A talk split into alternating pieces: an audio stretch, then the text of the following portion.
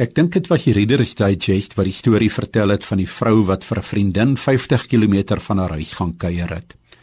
Toe sy huis toe wou ry, ontdek sy haar motorsleutels is in die kar toegesluit. En alwaar sy kon dink was om haar man te bel.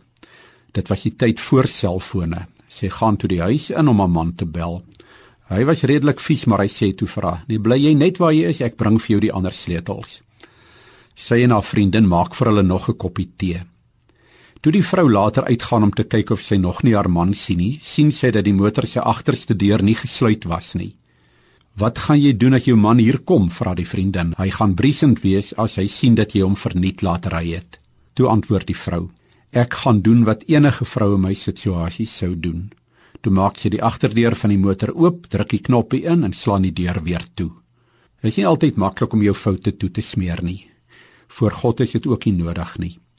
Ons lees in die boodskap in 1 Johannes 1 vers 7 tot 9. Maar wat nou daarvan as ons iets doen waarvan God nie hou nie, mag jy vra. Wel, dit is juis God se seun Jesus wat ons geestelik silwer skoon was. Daar bly nie een sonde oor nie. Dit beteken dat ons rein voor God kan staan. Ja nee, moet my nie verkeerd verstaan nie. As ons wil voorgee dat ons nooit sonde doen nie, slaan ons die bal heeltemal mis. Wie dit sê, praat nie die waarheid nie. As ons egter voor God erken dat ons foute gemaak het en dat ons nooit weer dieselfde foute wil maak nie, sal God van sy kant af heeltemal ons sonde vergeet. Hy sal ook vir ons geestelik skoon was van alles waarvan hy nie hou nie. Wil jy nie maar vanaand vir hom dankie sê dat hy jou beter ken as wat jy jouself ken nie? Dankie dat jy nie 'n masker voor hom hoef op te sit en vir hom te probeer beïndruk nie. Here, dankie dat U ons ken, dankie dat U ons verstaan.